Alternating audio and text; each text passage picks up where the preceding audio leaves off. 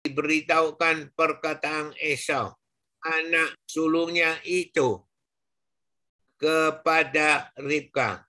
Maka disuruhnya lah memanggil Yakub, anak bungsunya. Lalu berkata kepada Yakub, membalas dendam membunuh engkau. Jadi sekarang anakku Yakub, dengarkanlah perkataanku Ribka kepada Laban. Saudaraku ke padanya beberapa waktu lamanya sampai ke geramang. Dan kemarahan kakakmu itu surut dari padamu buat kepadanya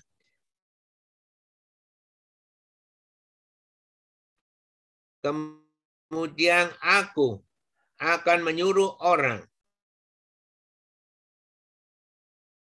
menyebut engkau dari situ. Mari juga kemudian Ribka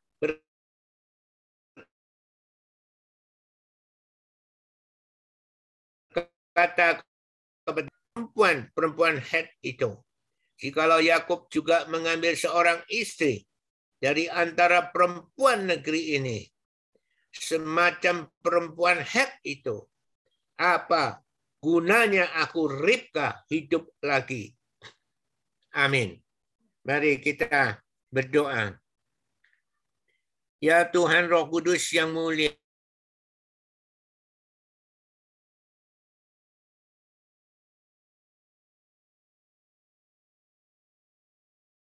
Tuhan kebenaran dan Tuhan sahabat kami.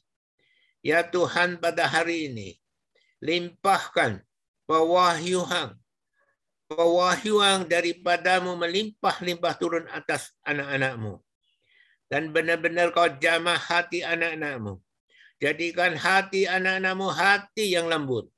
Hati yang siap ditabur oleh kebenaran firman Tuhan. Siap bertumbuh dan berbuah-buah di dalam kebenaran firman Tuhan. Ya Tuhan, mampukan hambamu, kuatkan hambamu, terutama layakkan hambamu, layakkan hambamu ya Tuhan, sehingga dapat hambamu dapat menyampaikan kebenaran firmanmu pada hari ini dengan benar. Ya Tuhan berkaryanya, karena hanya kepadamu kami bergantung dan berharap. Kami sungguh bangga dan mengucap syukur dan berterima kasih kepadamu Tuhan Roh Kudus yang mulia. Karena doa-doa kami telah kau dengar dan telah kau kabulkan. Di dalam nama Tuhan Yesus. Haleluya. Amin. Haleluya. Beri kemuliaan bagi Tuhan. Haleluya. Ya, satu cerita yang menarik dan cukup panjang. Memakan waktu 28 menit. Ya, untuk membaca saja 28 menit. Jika khotbah itu hanya 30 menit, ya sudah selesai pulang. Karena hanya mendengarkan pembacaan kebenaran firman Tuhan. Maka sebenarnya khotbah itu tidak bisa dibatasi dengan setengah jam, dengan 40 menit, dengan 45 menit supaya ibadah bisa dilakukan dalam satu minggu tiga kali atau empat kali. Setiap khotbah dibatasi. Itu bukan khotbah, itu pembacaan firman Tuhan. Kalau hamba Tuhan itu setia kepada Tuhan. Kalau tidak setia, maka dia setia pada diri sendiri. Dan berkecoh-kecoh menurut anggapannya sendiri, menurut pengalamannya sendiri. Itulah pentingnya khotbah ekspositori yang benar. Saudara akan bertumbuh di dalam kebenaran firman Tuhan. Saudara, kita mau membangun gereja Tuhan yang Tuhan kehendaki atau kita mau membangun gereja manusia yang manusia kehendaki. Manusia paling suka kalau ibadah 45 menit sudah selesai. atau satu jam paling lama. Karena itu sesuai dengan kedagingannya. Saudara, hari ini sekalipun panjang, tapi tidak mengurangi ya tentang kebenaran firman Tuhan yang akan disampaikan pada saudara. Sekali lagi, kita lihat di dalam kejadian 26 ayat 1 sampai 5. Saya tidak mengulang semuanya karena tadi setelah telah dibaca dengan pelan dan dengan tekanan-tekanan, saya kira saudara sudah mendapatkan satu ya pengertian tentang seluruh cerita paling sedikit 50 persen. Tetapi sekarang kita mau mengurai dari kejadian 26 disambung kejadian pasal 27 ini. Apa yang Tuhan mau berikan kepada kita. Pewahyuan apa yang Tuhan mau beritahukan pada kita. Di dalam kejadian 26 ayat 1 sampai 5. Maka timbullah kelaparan di negeri itu. Ini bukan kelaparan yang pertama yang telah terjadi dalam zaman Abraham. Ketika kelaparan pertama, Abraham mengungsi pergi ke Mesir. Tetapi karena dia mengatakan bahwa Sarah adalah saudaranya, bukan istrinya. Maka Sarah diambil oleh Firaun. Mau dijadikan istri. Tetapi Tuhan melindunginya. Bukankah seperti itu? Demikian. Kelaparan yang kedua Abraham pergi ya ke tempat Abimelek ya yaitu Gerang ya saya minta Iren kalau masih punya gambar ya pasangkan gambar tentang ada Gerar itu jadi waktu itu Abraham juga mengatakan ya Sarah adalah saudaranya maka Sarah juga diambil oleh Abimelek mau menjadi istrinya. Tetapi Tuhan mengutuk Abimelek dan seluruh kerajaannya. Sekarang kelaparan lagi. Tetapi Abraham sudah tidak ada. Ini bukan kelaparan yang pertama yang telah terjadi dalam zaman Abraham. Saudara mengerti arti ini? Kepada Sebab itu Isa pergi ke Gerar, ya ke Abimelek lagi. Kepada Abimelek, raja orang Filistin. Lalu Tuhan menampakkan diri. Ya, sekarang Tuhan menampakkan diri. Kalau kemarin sama Abraham tidak menampakkan diri. Lalu Tuhan menampakkan diri kepada Isa serta berfirman, "Janganlah pergi ke Mesir." Saudara, Mesir kalau di dalam rohani itu adalah duniawi, saudara. Duniawi adalah Mesir. Situ banyak gemerlapan, ya. Tapi banyak hal-hal yang buruk di situ. Tetapi di situ subur seperti Sodom dan Gomora. Subur, tanahnya subur.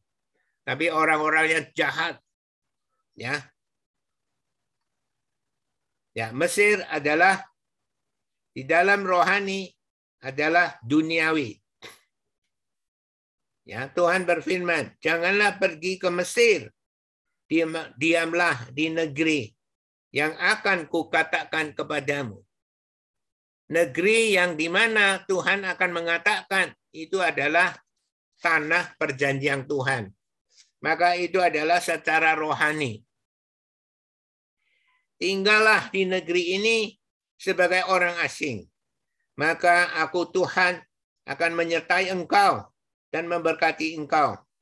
Sebab kepadamulah dan kepada keturunanmu akan kuberikan seluruh negeri ini.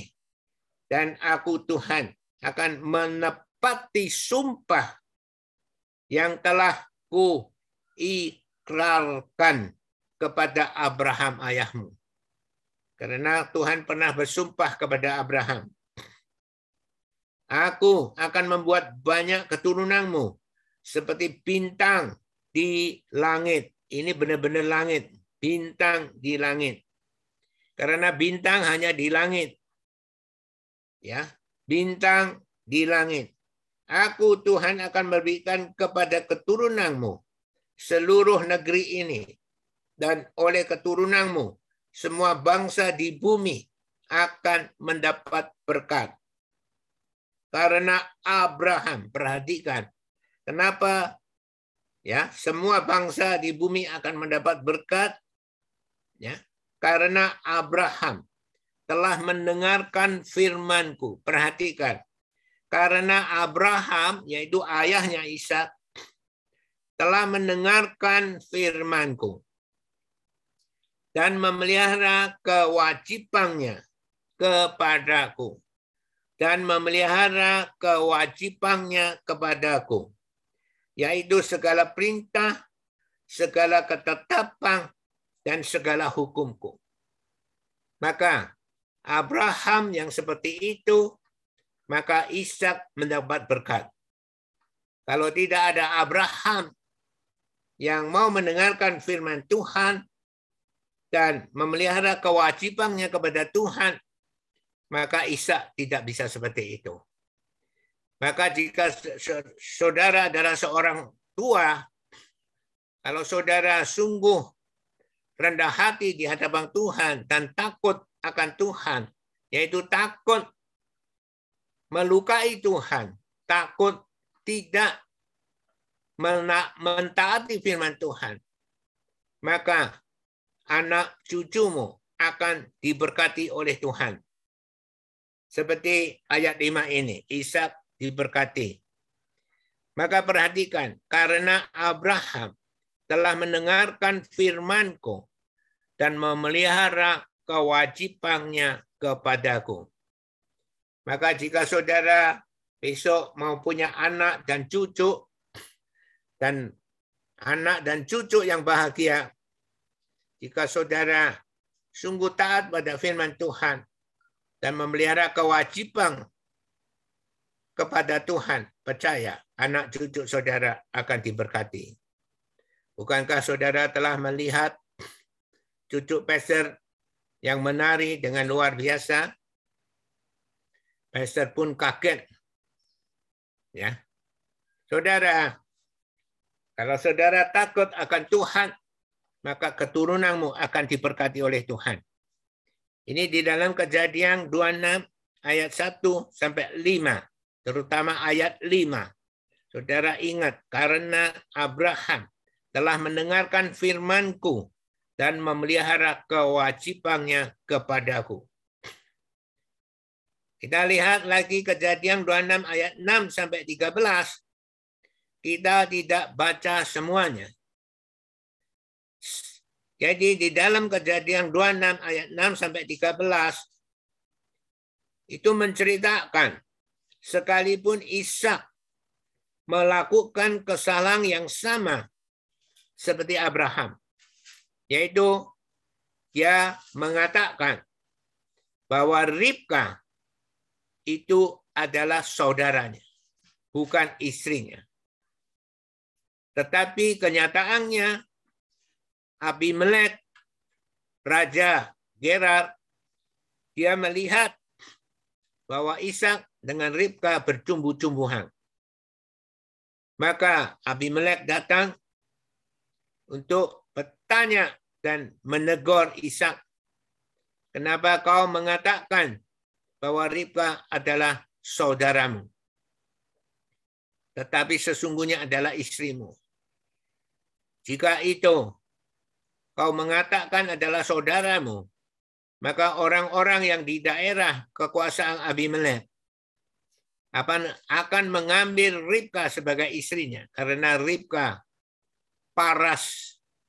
Ya cantik parasnya. Sangat cantik. Ya tetapi Ishak mengatakan dia takut. Kalau dia mengatakan bahwa Ribka adalah istrinya, maka dia akan dibunuh. Ini adalah sangat lemah sekali rohani dari Ishak. Jadi sekalipun Ishak melakukan kesalahan yang sama seperti Abraham, tetapi karena Tuhan, Ishak bukan dibunuh, bahkan Ishak diberkati sangat kaya sekali. Kita lihat dari dari ayat 6 sampai 13 kita khusus ayat 12. Ya. Maka menaburlah Ishak setelah dia ditegur oleh Abimelek. Akhirnya Abimelek setelah menegur dan pergi, maka menaburlah Ishak di tanah itu. Dan dalam tahun itu juga Ishak mendapat hasil seratus kali lipat. Seratus kali lipat. Seratus kali lipat. Sebab Ishak diberkati Tuhan. Saudara, ini adalah sangat sangat penting sekali sekalipun Ishak melakukan kesalahan yang sama seperti Abraham tetapi karena Tuhan, Ishak diberkati sangat kaya sekali. Dan dari ayat 6 sampai 13, kita lihat Ishak sangat kurang rohani sekali. Adakah amin? Sangat kurang rohani sekali. Tetapi karena Abraham, yaitu ayat 5, tadi sudah mengatakan ya karena Abraham telah mendengarkan firmanku dan memelihara kewajibannya kepadaku. Jadi karena Abraham ya secara jasmani Ishak diberkati sangat sangat sangat sekali. Seratus kali lipat. Perhatikan. Secara jasmani. Saudara mengerti? anak-anak pastor secara jasmani diberkati sekali oleh Tuhan. Secara jasmani, saudara mengerti artinya? Ya, amin.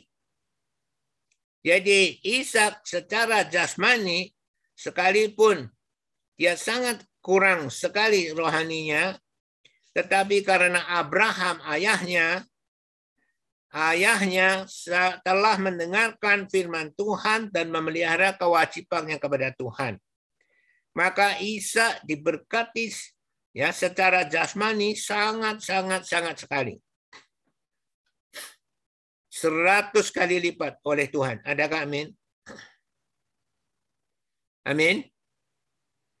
Jadi, saudara harus membandingkan ya kalau secara jasmani, pastor dengan teman-teman pastor, ya mereka konglomerat di Jogja, di mana-mana ada bangunan mereka. Di mana-mana ada bangunan mereka. Tetapi bukan seperti pastor. Secara jasmani mereka seratus kali lipat daripada pastor. Tapi secara rohani mereka benar-benar sangat kurang. Tetapi secara rohani, pastor diberkati oleh Tuhan. Bahkan pastor bukan tambah lama tambah tua, tapi tambah lama tambah muda. Secara fisik adalah lebih tua, tapi secara semangat tetap lebih muda. Bahkan kemarin pastor dijuluki orang, ketika pastor tanya, berapa umur pastor? Dia bilang, Pastor umur 50 tahun. Sedang Pastor umur 72 tahun. Ada orang yang baru 25 tahun seperti 50 tahun. Yang baru 50 tahun sudah seperti 100 tahun. Saudara mengerti? Ya. Jadi sekalipun ya Ishak ya sangat sangat kurang rohaninya sekali. Tetapi karena Abraham ayahnya secara jasmani Ishak diberkati sangat sangat sangat sekali oleh Tuhan. Tapi apakah dia sangat rohani? Ishak tidak. Dia kalau makan, dia pengen Esau yang memburu buruan. Dia cetil, medit, kikir. Ya, dia eman-eman mengambil ya kambing dombanya. Tetapi kalau mau makan ya daging, dia suruh Esau yang berburu. Dia bukan mengajar Esau supaya Esau tahu arti dari hak kesulungan. Bahkan masih muda, Esau telah menjual hak sulungnya kepada adiknya. Untuk apa hak sulung itu? Sebentar lagi aku mati. Yang penting aku makan sup kacang merah. Bukankah seperti itu ceritanya? Ya, karena Ishak secara jasmani 100 kali lipat diberkati Tuhan. Tetapi secara rohani dia sangat tidak rohani sekali. dia tidak didik anak sulungnya dengan benar. Sekarang kejadian 27 ayat 1 sampai 5. Ya. Bagaimana Tuhan mengizinkan Ribka untuk mendengar rencana Ishak kepada Esau. Apa rencana Ishak kepada Esau? Kita lihat Kejadian 27 ayat 1 sampai 5. Ini pasal tidak mengulang lagi, tetapi ambil pokok-pokok yang penting. Karena tadi sudah dibacakan setengah jam. Kecuali saudara ngantuk, saudara tidak tahu. Kalau saudara tidak ngantuk, saudara masih ingat. Di dalam kejadian 27 ayat 1 sampai 5, ketika Ishak sudah tua dan matanya telah kabur, kita lihat Ishak menikah itu umur 40 tahun. Dan selama 20 tahun, Ribka mandul. Baru Ribka berdoa setelah 20 tahun, baru Tuhan izinkan. Sehingga 60 tahun, ya Ishak mempunyai anak Esau dan Yakub. Nah, sekarang setelah dua tahun lagi, maka Ishak sudah 80 tahunan. Maka ketika Ishak sudah tua, ini cara membaca Alkitab, saudara. Setelah 20 tahun. Jadi kurang lebih 80 tahun, mungkin 90 tahun. Ketika Ishak sudah tua dan matanya telah kabur. Perhatikan, matanya telah kabur. Ya. Jadi tambah tua itu tambah kabur, saudara. Kalau ada terang, dia lihat. Kalau tidak ada terang, dia tidak lihat. Tapi ini sudah benar-benar kabur. Tidak bisa lihat. Sehingga ia tidak dapat melihat lagi. Perhatikan. Dipanggilnya lah Esau, anak sulungnya. Ya, yang dipanggil anak sulungnya, Esau. Serta berkata kepada Esau, anakku. Sahut Esau, ya Bapak. Berkatalah Ishak, lihat aku Ishak sudah tua. Aku tidak tahu bila hari kematianku. Aku tidak tahu kapan mati. Maka sekarang ambillah senjatamu, tabung panah dan busurmu. Pergilah ke padang dan burulah bagiku seekor binatang. Medit nggak? Ishak. Dia sangat kaya sekali, tapi medit, cetil, kikir. Ya. Dia kalau makan harus dari buruang Esau. Tidak ngambil kambing dombanya. Maka sekarang ya, olahlah. Setelah itu olahlah bagiku makanan yang enak. Ya, kalau bagi eh, bagi Ishak itu enak kalau dari buruang. Kalau dari kambingnya sendiri nggak enak. Karena dia cetil, medit, kikir. Orang cetil, medit, kikir kan saudara tahu. Olahlah bagiku makanan yang enak seperti yang ku isak gemari. Sesudah itu bawalah kepadaku supaya ku isak makan agar aku isak memberkati engkau sebelum aku mati. Berarti yang mau diberkati adalah sulung, anak sulung. Kenapa? Secara formalitas anak sulung harus diberkati. Tapi anak sulung yang telah menjual hak kesulungannya demi sup kacang merah. Tapi Ishak tidak peduli. Banyak orang juga seperti itu. Dia beribadah, ya. Setiap minggu, ya. Jalan ke gereja, ya.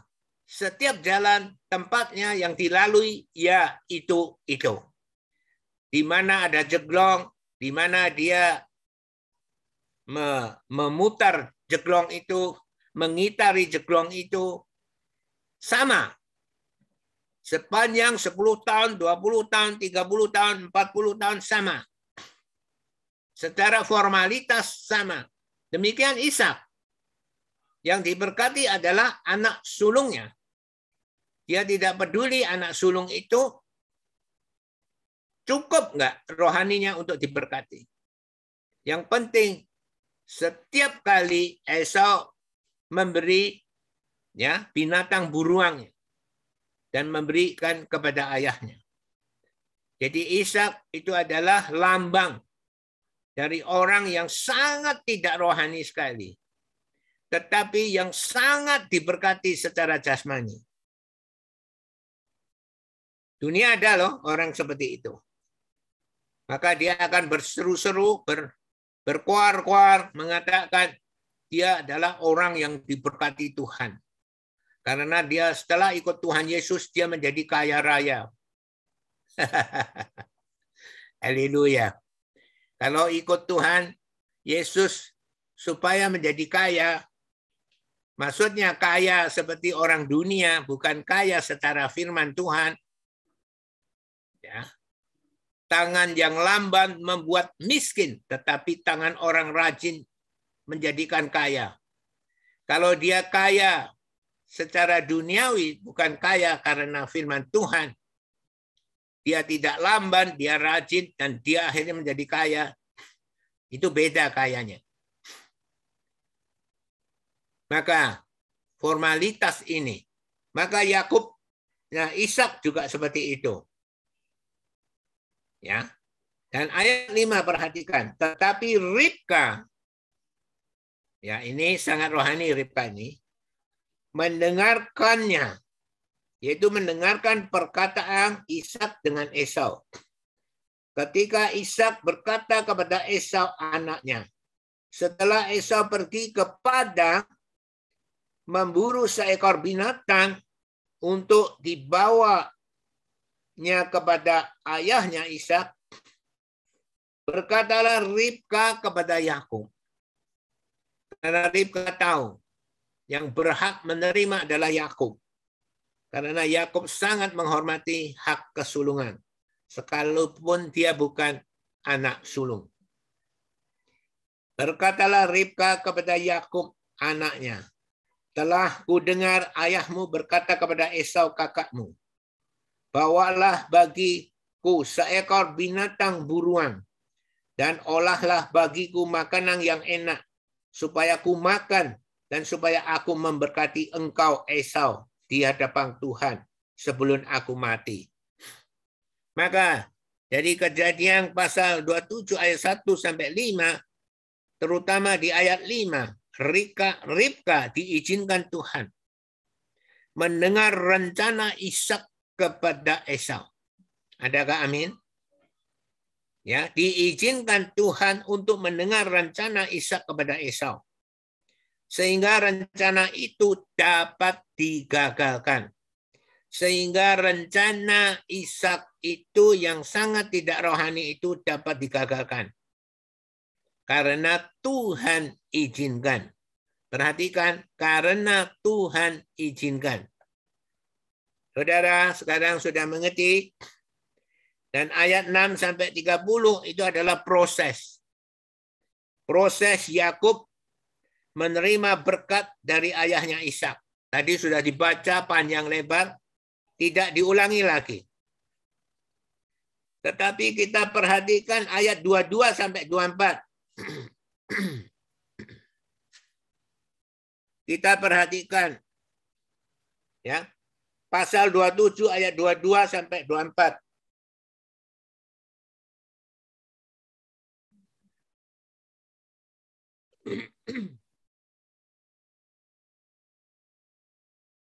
Di dalam ayat 22 ya. Maka Yakub mendekati Ishak ayahnya. Sebetulnya Yakub tidak mau kan? Tapi Ribka bilang, tidak apa-apa. Yakub bilang, kulitku licin. Kulitnya Esau berbulu. Maka nanti Ishak akan mengetahui walaupun dia tidak bisa melihat. Dia akan meraba kulit Yakub. Kok bukan Esau? Tetapi kalau Yakub bilang aku adalah Esau, maka justru aku yang kena kutuk. Tetapi Ribka mengatakan, akulah Ribka yang menanggung kutuk itu. Kamu lakukan saja. Baru Yakub ngikuti ibunya Ribka. Maka tangannya diikat dengan kulit kambing dan lehernya diikat dengan kulit kambing. Bajunya adalah bajunya Esau. Baunya Esau. Nah, sekarang kita lihat ya, ayat 22 sampai 24. Maka Yakub mendekati Ishak ayahnya dan ayahnya itu merabanya serta berkata, kalau suara suara Yakub. Coba bayangkan. Kalau suara, suaranya Yakub. Kalau tangan, tangannya Esau. Karena ada bulu kambing. Ya. Jadi, Ishak tidak mengenal dia karena tangannya berbulu seperti tangan Esau, kakaknya. Ishak hendak memberkati dia. Tetapi Ishak masih bertanya, Benarkah engkau ini anakku Esau? Saudara, jadi tadi sudah membaca ayat 6 sampai 30 adalah proses Yakub menerima berkat dari ayahnya Ishak. Dan di dalam ayat 22 sampai 24 Ishak dibuat Tuhan. Tidak mengenal Yakub. Adakah amin? Kalau dia bisa mengenal itu Yakub, dia tidak akan memberkati Yakub. Karena Ishak sangat tidak rohani. Ishak itu adalah orang cu, celutak. Kalau bahasa Jawa adalah celutak. Rakus sama makanan. Dia tidak peduli rohani, dia peduli jasmani maka dia tidak akan memberkati Yakub. Tapi Tuhan menolong Yakub. Ya, amin. Menolong Yakub sehingga Ishak tidak bisa mengenal Yakub. Adakah amin? Adakah amin? Ya, sekarang ayat 30 sampai 40. Bagaimana kita lihat Bagaimana Esa menangis meraung-raung. Ayat 30 sampai 40. Bagaimana Esau menangis meraung-raung. Ketika Esau sadar betapa pentingnya berkat anak sulung itu. Tetapi telah hilang. Kita lihat ayat 30. Setelah Ishak selesai memberkati Yakub dan baru saja Yakub keluar meninggalkan Ishak ayahnya pulanglah Esau kakaknya dari berburu. Jadi berkatnya sudah didapat oleh Yakub. Setelah selesai baru selesai. Baru keluar dari kamarnya Ishak, Esau datang. Esau juga menyediakan makanan yang enak, lalu membawanya kepada ayahnya.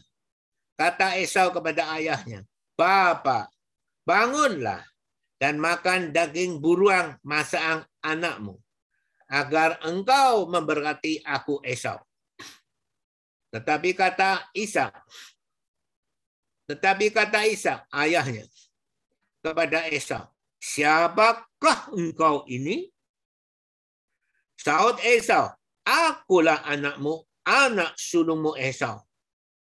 Lalu terkejutlah Isa dengan sangat serta berkata, siapakah gerangan dia yang memburu binatang itu dan yang telah membawanya kepadaku? Aku Isa telah memakan semuanya sebelum engkau datang dan telah memberkati dia dan dia akan tetap.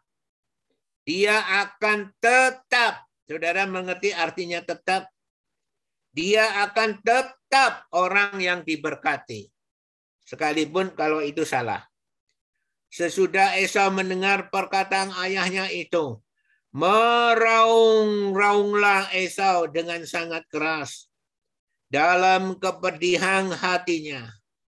Serta berkata kepada ayahnya, Berkatilah aku ini juga ya Bapak. Ketika berkat sudah hilang, pada waktu itu Esau baru sadar pentingnya hak kesulungan itu. Banyak orang ketika dinasihati, sungguh-sungguh dinasihati dengan bertahun-tahun, berpuluh-puluh tahun, tetapi tetap menganggap sepele hak kesulungan.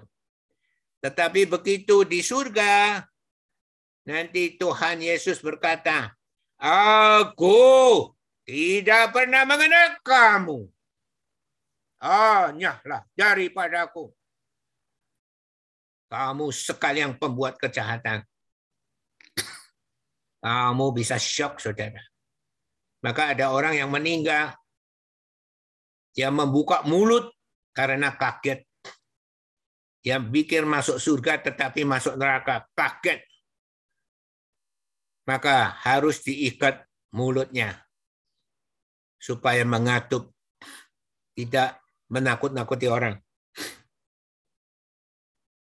Saudara, ini adalah pelajaran yang sangat ya baru menangis sekarang ketika dia karena hanya lelah karena hanya ingin malas ingin sup kacang merah maka dia dengan enak mengatakan apa arti hak kesulungan itu sebentar lagi saya akan mati Berarti banyak orang sekarang pesernya dengan jerih payah mengajar pada saudara bertahun-tahun, berminggu-minggu tidak pernah absen. Tapi kalau saudara seperti Esau, saudara akan mengatakan, ah khotbah pastor, ya itu, itu, itu, itu, itu, itu saja. Tidak ada yang menarik. Apa arti hak kesulungan itu? Sebentar lagi saya mati. Tetapi ketika dia kehilangan berkat hak kesulungan, dia meraung-raung. Ya, itu seperti kita ketika kita di surga dan kita ditolak oleh Tuhan. Aku tidak pernah mengenal kamu. Enyahlah daripadaku kamu sekalian pembuat kejahatan. Pada waktu itu, kita mau menangis pun tidak bisa, saudara. Terus apa? Kita lihat.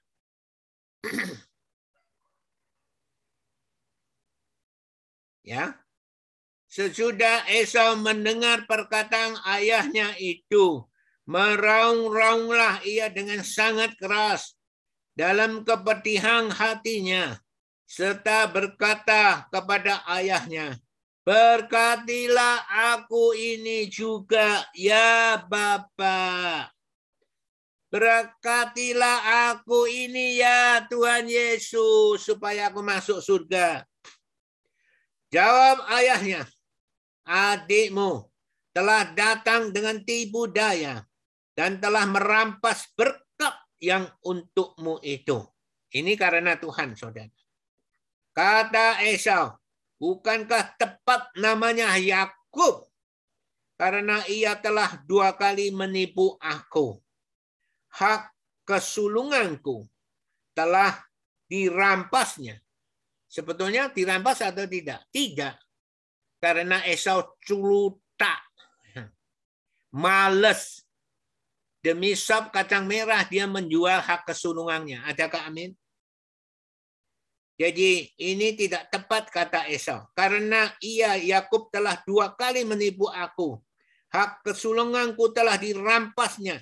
Dan sekarang dirampasnya pula berkat yang untukku. Tidak mungkin Yakub bisa merampas. Karena Tuhan izinkan. Karena Esau meremehkan hak kesulungannya sebelumnya. Lalu kata Esau, apakah Bapa tidak mempunyai berkat lain bagiku, nah dia minta seperti itu. Ketika saudara ditolak di surga, saudara bertanya, Tuhan Yesus, selain neraka, apakah tidak ada tempat yang lebih baik daripada neraka? Neraka selain surga. haleluya, haleluya. Ya, amin.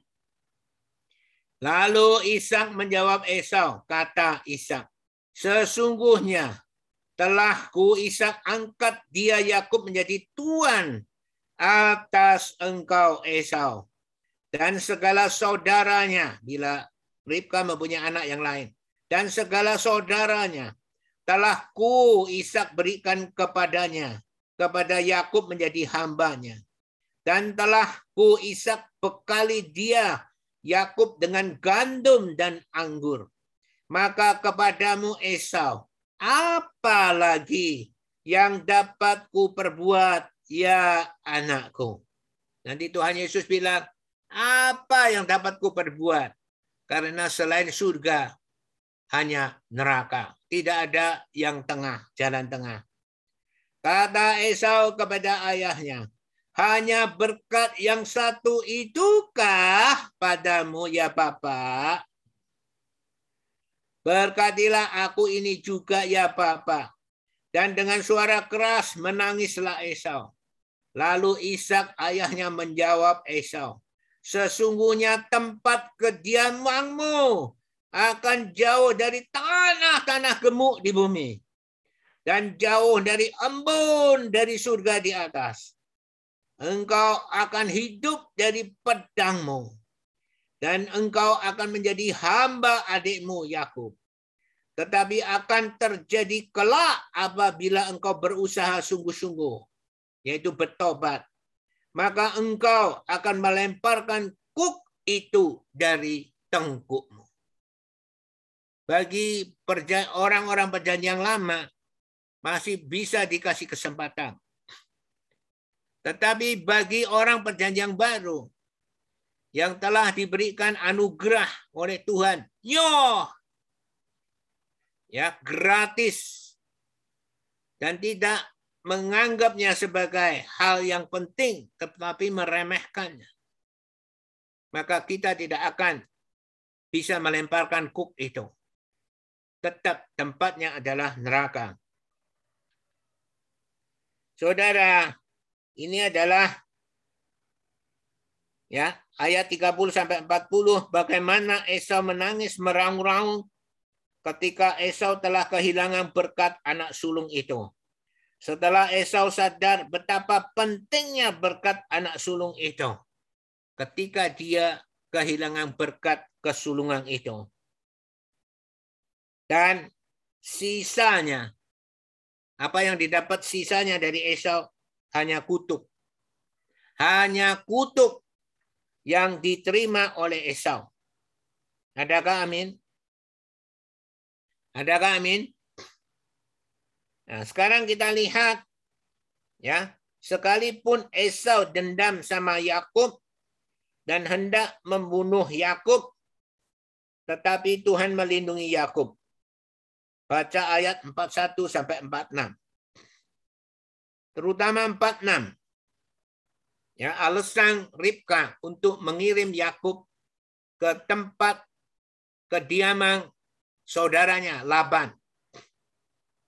Di ayat 46. Kemudian Ribka berkata kepada Ishak, yaitu suaminya, Aku Ribka telah jemu hidup karena perempuan-perempuan Het itu, yaitu istri dari Esau.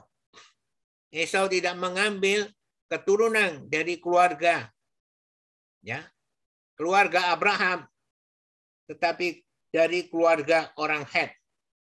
Jikalau Yakub juga mengambil seorang istri dari antara perempuan negeri ini, yaitu orang Het, semacam perempuan Het itu, apa gunanya aku Ribka hidup lagi? Jadi Ribka benar-benar membela Tuhan melindungi dia.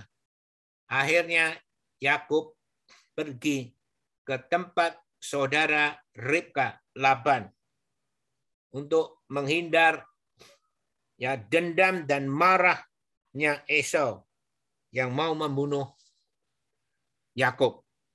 Maka pada hari ini Tuhan mau mengajar kita satu prinsip Tuhan yaitu akibat dari meremehkan kebahagiaan yang Tuhan sediakan yaitu anak sulung kebahagiaan yang Tuhan sediakan yaitu anak sulung.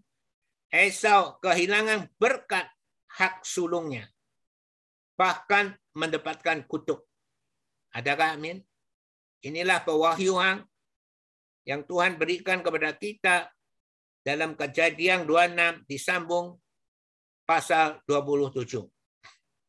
Akibat dari meremehkan kebahagiaan yang Tuhan sediakan, yaitu anak sulung itu adalah kebahagiaan. Esau kehilangan berkat hak sulungnya. Bahkan mendapatkan kutuk. Adakah amin? Adakah amin? Inilah pewahyuan yang Tuhan berikan kepada kita. Ya, di dalam minggu kemarin Tuhan mengajar kepada kita di dalam kejadian pasal 25 jangan menjadi orang yang hidup di dalam kebahagiaan tetapi yang meremehkan kebahagiaan itu. Bukankah seperti itu? Judul khotbah minggu depan, minggu kemarin. Jangan menjadi orang yang hidup dalam kebahagiaan tetapi yang meremehkan kebahagiaan itu, yaitu Esau. Meremehkan hak sulung itu.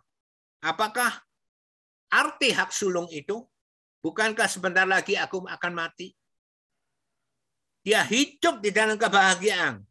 Dia hidup sebagai anak sulung. Tetapi dia meremehkan hak kesulungan.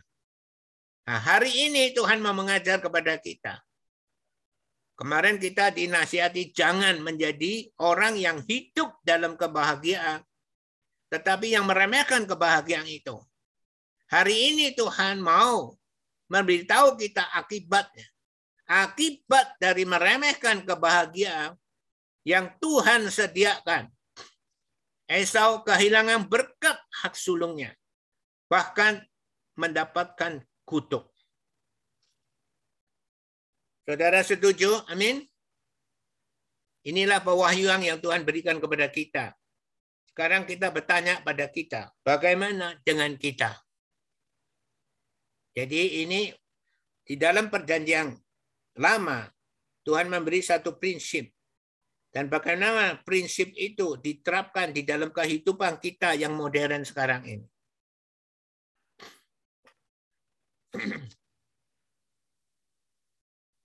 Maukah kita belajar dari pengalaman yang pahit ini? Ini pengalaman yang pahit bagi Esau. Maukah kita belajar dari pengalaman yang pahit ini? Jangan ya menjadi orang yang hidup di dalam kebahagiaan tetapi yang meremehkan kebahagiaan itu. Ini pelajaran yang pahit karena akibatnya adalah ya akibat dari meremehkan kebahagiaan yang Tuhan sediakan Esau kehilangan berkat hak sulungnya bahkan mendapatkan kutuk.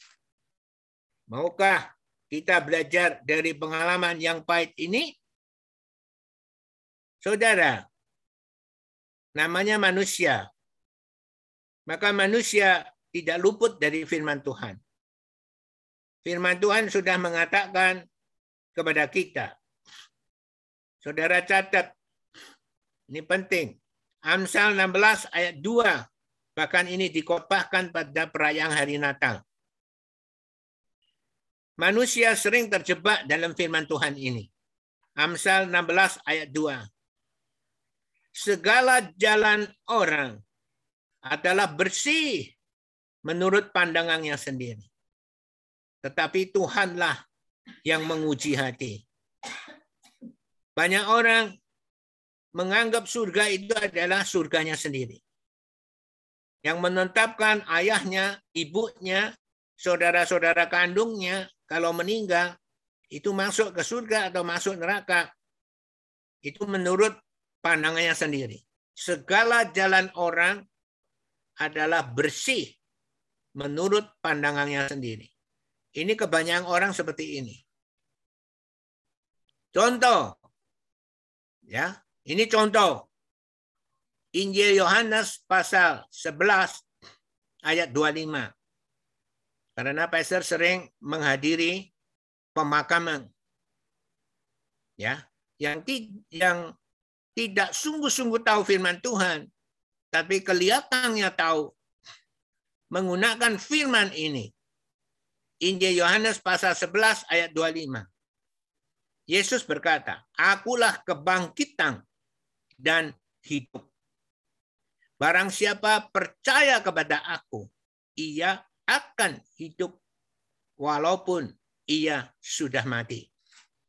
Jadi ini janji dari Tuhan bahwa Yesus adalah kebangkitan dan hidup.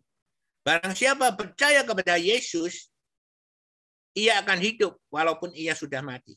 Tetapi firman ini digunakan ketika saudara masih hidup. Jadi ketika firman, ketika saudara masih hidup, saudara mempunyai iman bahwa Yesus adalah kebangkitan dan hidup. Karena siapa percaya kepada Yesus, dia akan hidup walaupun ia sudah mati. Bukan setelah mati, ya, walaupun dia tidak punya iman kepada Yesus sebelumnya, terus mengeklaim dengan firman Tuhan Yohanes pasal 11 ayat 25 ini bahwa orang yang mati itu dia akan hidup. Karena dia sudah percaya. Ini segala jalan orang adalah bersih. Menurut pandangannya sendiri itu yang dimaksud seperti itu. Jadi banyak orang menganggap bahwa dia sudah melayani Tuhan. Bahkan dia sudah Bukankah aku bernubuat demi namamu? Bukankah aku telah mengusir setan-setan demi namamu? Bukankah aku telah mengadakan banyak mujizat demi namamu? Ini anggapan dia. Tapi Tuhan lihat hatinya. Dia demi Yesus atau demi dia? Supaya dia terkenal? Banyak hamba Tuhan yang terkenal. Tapi hati-hati nanti Tuhan bilang, Tuhanlah yang menguji hati.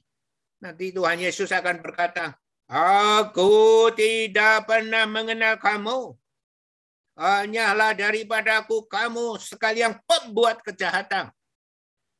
Mati nanti. Matinya akan tidak bisa mengatupkan mulut. Saudara, ketika tidak ada masalah, ya Esau meremehkan hak kesulungannya. Untuk apa hak kesulungan itu? Sebentar lagi saya akan mati. Demi sup kacang merah. Tetapi ketika dia benar-benar kehilangan berkat kesulungan, dia menangis meraung-raung. Apakah berkatmu hanya itu saja? Nanti kita meraung-raung sama Tuhan Yesus. Apakah selain surga dan neraka tidak ada tempat yang di tengah-tengah.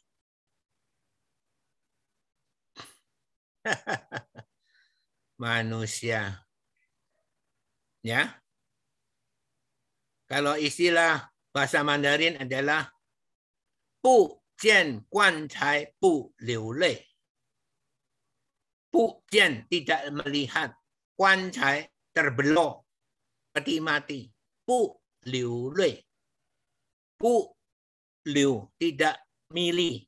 Lui air mata. Itu orang dunia.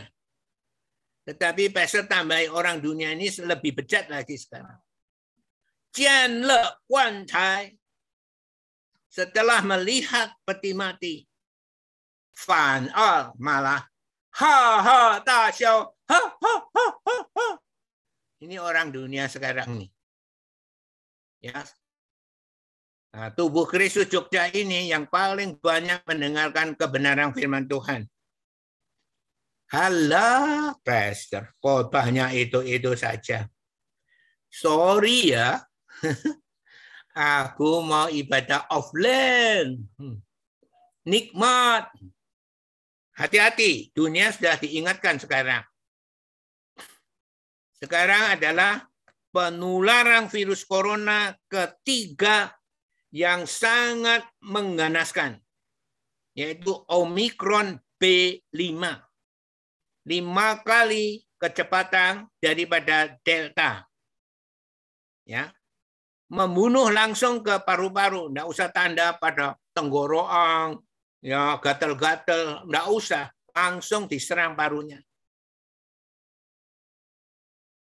Biasa dua satu hari, enggak, enggak, enggak usah. Tiga hari aja mati. Maka yang mati banyak sekali, yang Eropa banyak sekali. Di Jepang satu hari 16 ribu. Di Singapura sama. Puluhan ribu.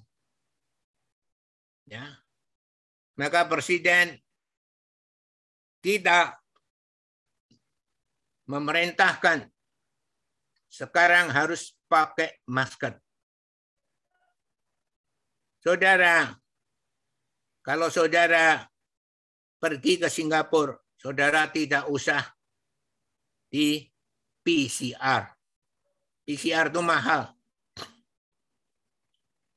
Cukup saudara telah divaksin berapa kali? Dua kali atau tiga kali. Sudah cukup. Ya, tetapi presiden minta yang pergi ke Singapura pesawat dari harga 2 juta melonjak sampai 15 juta we dibeli saudara. Orang-orang Indonesia dapat pergi ke Singapura 15 juta pun oke. Okay. Tanpa PCR. Tetapi itu presiden meminta Pak Jokowi minta yang pulang dari Singapura tes PCR. Satu kali tes satu juta. Tidak tes tidak boleh masuk ke Indonesia. Barulah Indonesia aman. Saudara, sekarang banyak yang lengah, saudara. Saudara harus siap. Ini virus corona karena kebandelan Amerika. Ya, dia buka celah Amerika punya 320 juta orang. Kalau di sana tidak pernah berhenti virus coronanya yang menular, maka virus corona tidak akan berhenti di dunia. Eropa ikut-ikut Amerika. Singapura pun ikut. Indonesia setengah ikut. Setengah takut. Maka saudara harus siap besok ibadah offline itu benar-benar tidak akan terjadi lagi. sekolah adalah sekolah online. Ya. Yang offline itu tidak ada yang bisa berhubungan langsung secara jasmani itu tidak bisa. Akan diketati. Nanti fitness center tidak laku.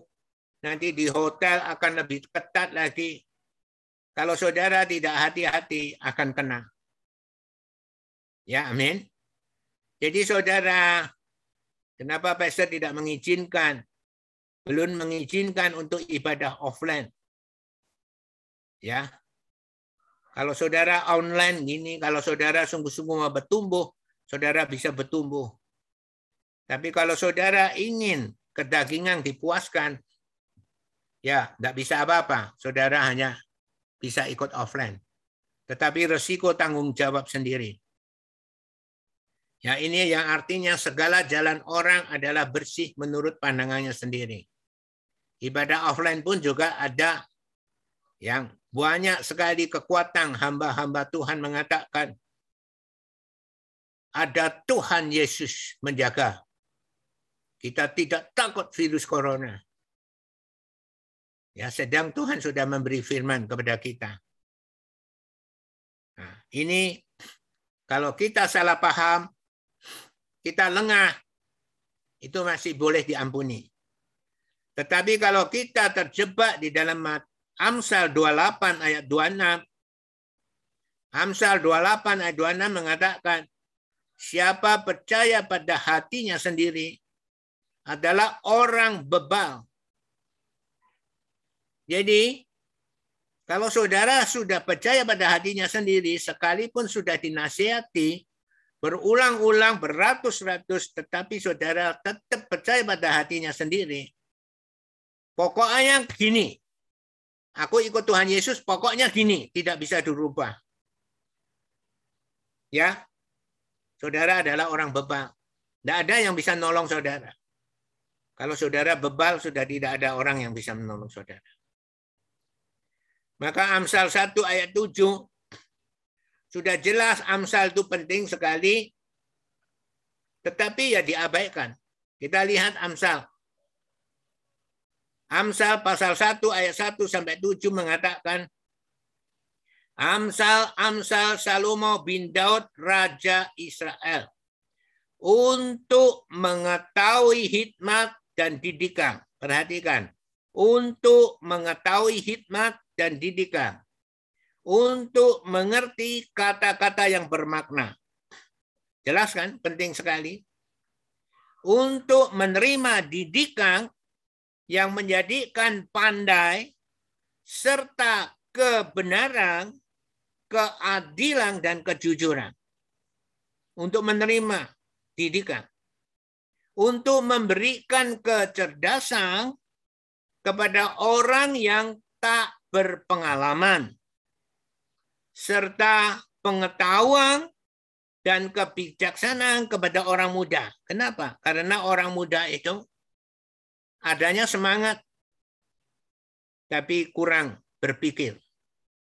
Baiklah orang bijak mendengar dan menambah ilmu. Baiklah orang yang berpengertian.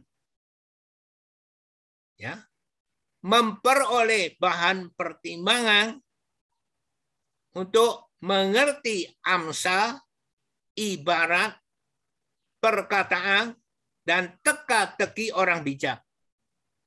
Takut akan Tuhan adalah permulaan pengetahuan. Tetapi orang bodoh menghina hikmat dan didikan. Ya, Amsal ya kalau orang bodoh menghina hikmat dan didikan. Hari ini pastor tidak mau menggunakan Amsal untuk melawan virus corona. Nanti saudara syok lagi. Ya, amin. Tetapi kalau saudara orang bodoh, saudara akan menghina hikmat dan didikan. Saudara, ini adalah penting sekali. Ya, manusia sering terjebak di Amsal 16 ayat 2. Tetapi setelah dijelaskan sadar, dia akan kembali dengan jalan benar. Tetapi kalau dia sudah masuk ke Amsal 28 ayat 26, siapa percaya pada hatinya sendiri adalah orang bebal, dia sudah orang bebal, tidak ada yang bisa menolong. Apalagi dia seorang bodoh yang menghina didikan. Ya, menghina hikmat dan didikan tidak bisa ditolong lagi. Maka Saudara, Tuhan mengingatkan kepada kita, kenapa kita bisa seperti itu? Yaitu ketika kita kehilangan kontak dengan Tuhan. Jadi kita tidak ada hubungan kontak dengan Tuhan. Kita hanya formalitas. Oh, kalau minggu dengan khotbah gitu aja. Oh, offline ya datang ke gereja. Tetapi kehilangan kontak dengan Tuhan. Maka Tuhan mau nggak mau harus ngasih mekanisme. Memberi kita tangga supaya kita bisa naik terus. Naik dari lantai satu ke lantai dua, lantai dua ke lantai tiga, terus sampai terus naik terus. Maka Tuhan memberi mekanisme itu, yaitu berbahasa roh. Maka Tuhan berfirman di 1 Korintus 14 ayat 2, sama ayat 4 itu penting sekali. Barang siapa berkata-kata dengan bahasa roh, ia tidak berkata-kata kepada manusia. Perhatikan, ia tidak berkata-kata kepada manusia. Jadi bukan untuk dipamerkan. Bahasa roh bukan untuk dipamerkan. Ia tidak berkata-kata kepada manusia, tetapi kepada Allah. Jadi berbahasa roh itu berkata-kata kepada Allah. Oleh roh, yaitu melalui roh kudus, ia berkata-kata hal-hal yang rahasia. Ini pentingnya berbahasa roh, berkata-kata kepada Allah. Ayat 4, barang siapa berkata-kata dengan bahasa roh, ia membangun dirinya sendiri. Ia membangun dirinya sendiri, ia membangun rohnya. Maka dia ada hubungan yang erat dengan Tuhan Roh Kudus. Maka ketika mendengarkan firman Tuhan, dia dapat dinasihati. Bahkan bisa hati-hati. Saudara, kalau kita kehilangan kontak dengan Tuhan, biasanya kita lebih percaya kepada diri sendiri. Saudara, ini adalah penting. Maka saudara, Tuhan mengingatkan kita satu firman Tuhan yang sangat penting sekali supaya kita mengerti status kita sesungguhnya. Kita di dalam kebahagiaan atau tidak.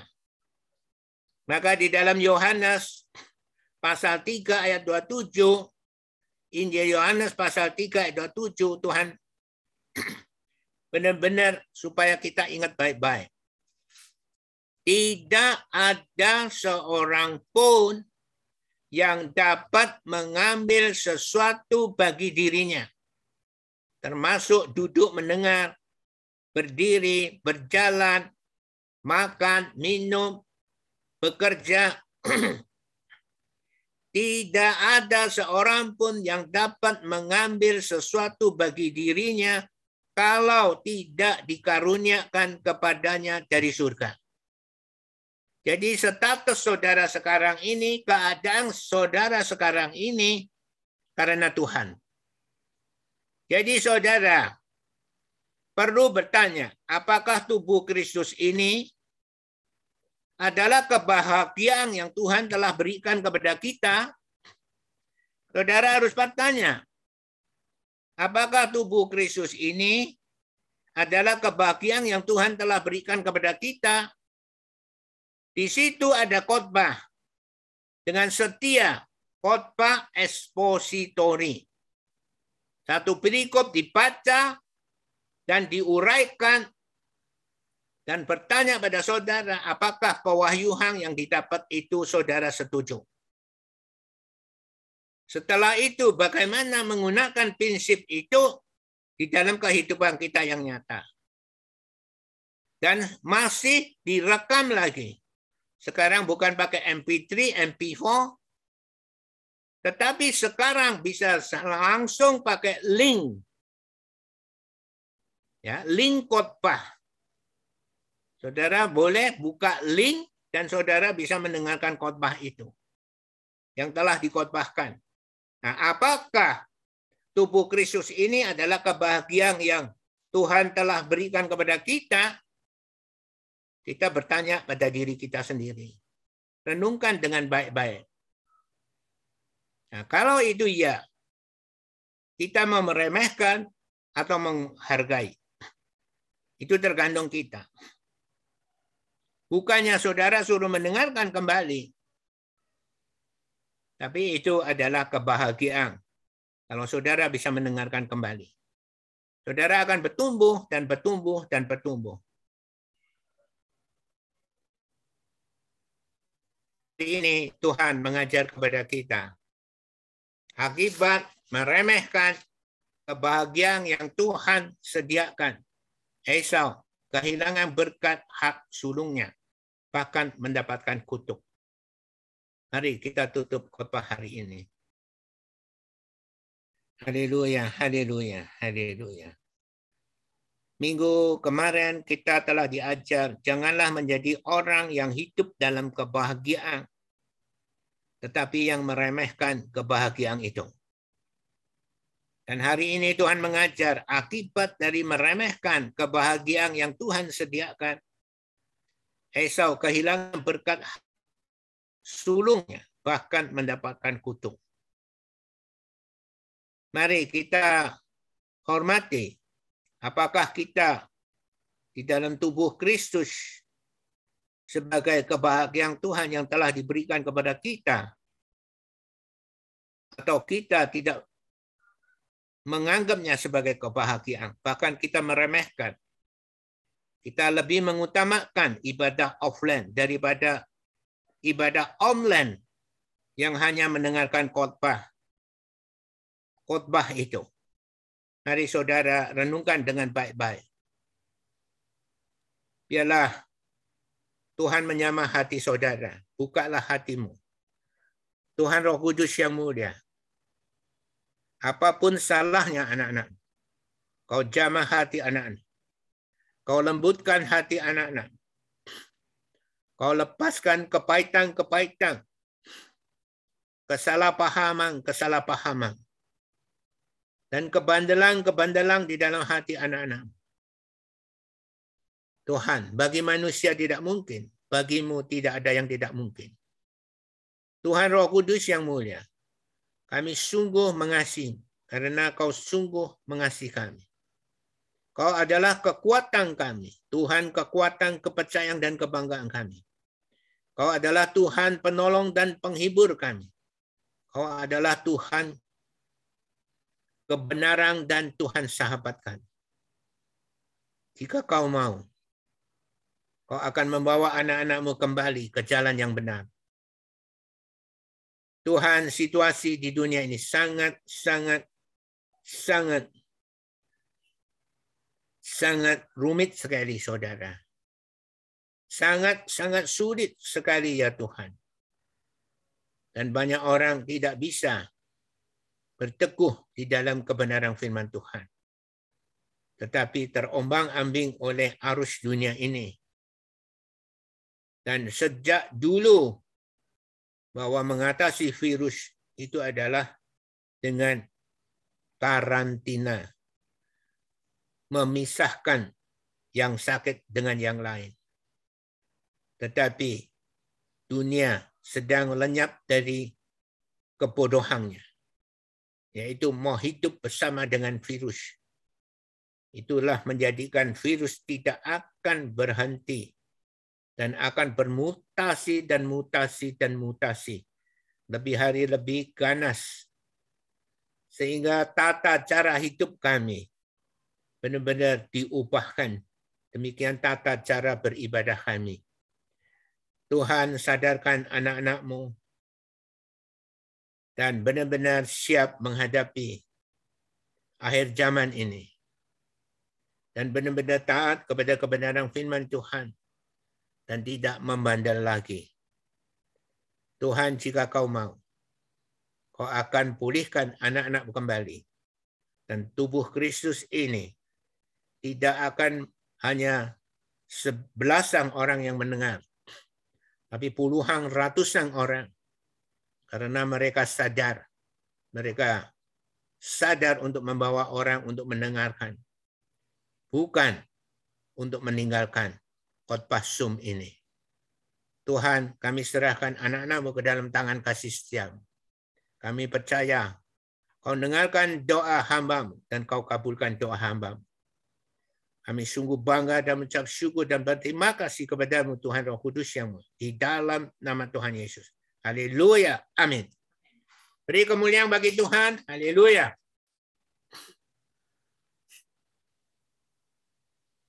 Ya, apakah ada pertanyaan? Bagaimana Ricky? Ada pertanyaan? Ya, Peter. Uh, untuk pertanyaan belum ada, Peter. Tapi kalau sudah cukup. Ya, bagaimana Agil? Ada pertanyaan? Untuk pertanyaan masih belum ada, Pastor. Pengajarannya sudah sangat jelas. Terima kasih, Pastor. Haleluya. Bagaimana Agusteli? Ada pertanyaan? Ya, kalau pertanyaan belum ada, Pastor. Semuanya sangat jelas, Pastor. Terima kasih, Pastor. Ya, haleluya. Bagaimana Iren ada pertanyaan? Untuk pertanyaan belum ada, Pastor. Sudah cukup jelas, Pastor. Terima kasih, Pastor. Ya, bagaimana Nadine? Haleluya. Ada pertanyaan Nadine? Shalom, Pastor. Dari Nadi belum ada pertanyaan. Terima kasih untuk khotbahnya, Pastor. Mohon maaf, ribut anjingnya, Pastor. Haleluya. Haleluya. Bagaimana Pak Agus Woto? Ada pertanyaan? Belum, Pastor. Sudah sangat jelas. Terima kasih. Haleluya. Bagaimana Ibu Sri? Ada pertanyaan? Bisa buka loudspeaker? Oke. Bagaimana Ibu Yani? Ada pertanyaan? Ya, terima kasih Pastor untuk khotbahnya sudah sangat jelas Pastor. Pertanyaan belum ada. Thank you Pastor. Terima kasih khotbahnya. Oke, haleluya. Baik. Biarlah Tuhan Roh Kudus yang mulia yang sangat mengasihi kita menyertai saudara dari sekarang sampai selama-lamanya. Di dalam nama Tuhan Yesus. Haleluya. Amin. Ure, selesai. Eh, terima kasih Pastor. Terima kasih, Pastor. Terima kasih Pak Agus. Haleluya. Agil, Ricky, makasih Bu Sri. Nadine, makasih. Terima kasih, Jenny. Agus Teli, makasih. Pak Agustinus, makasih. Ya, kasih.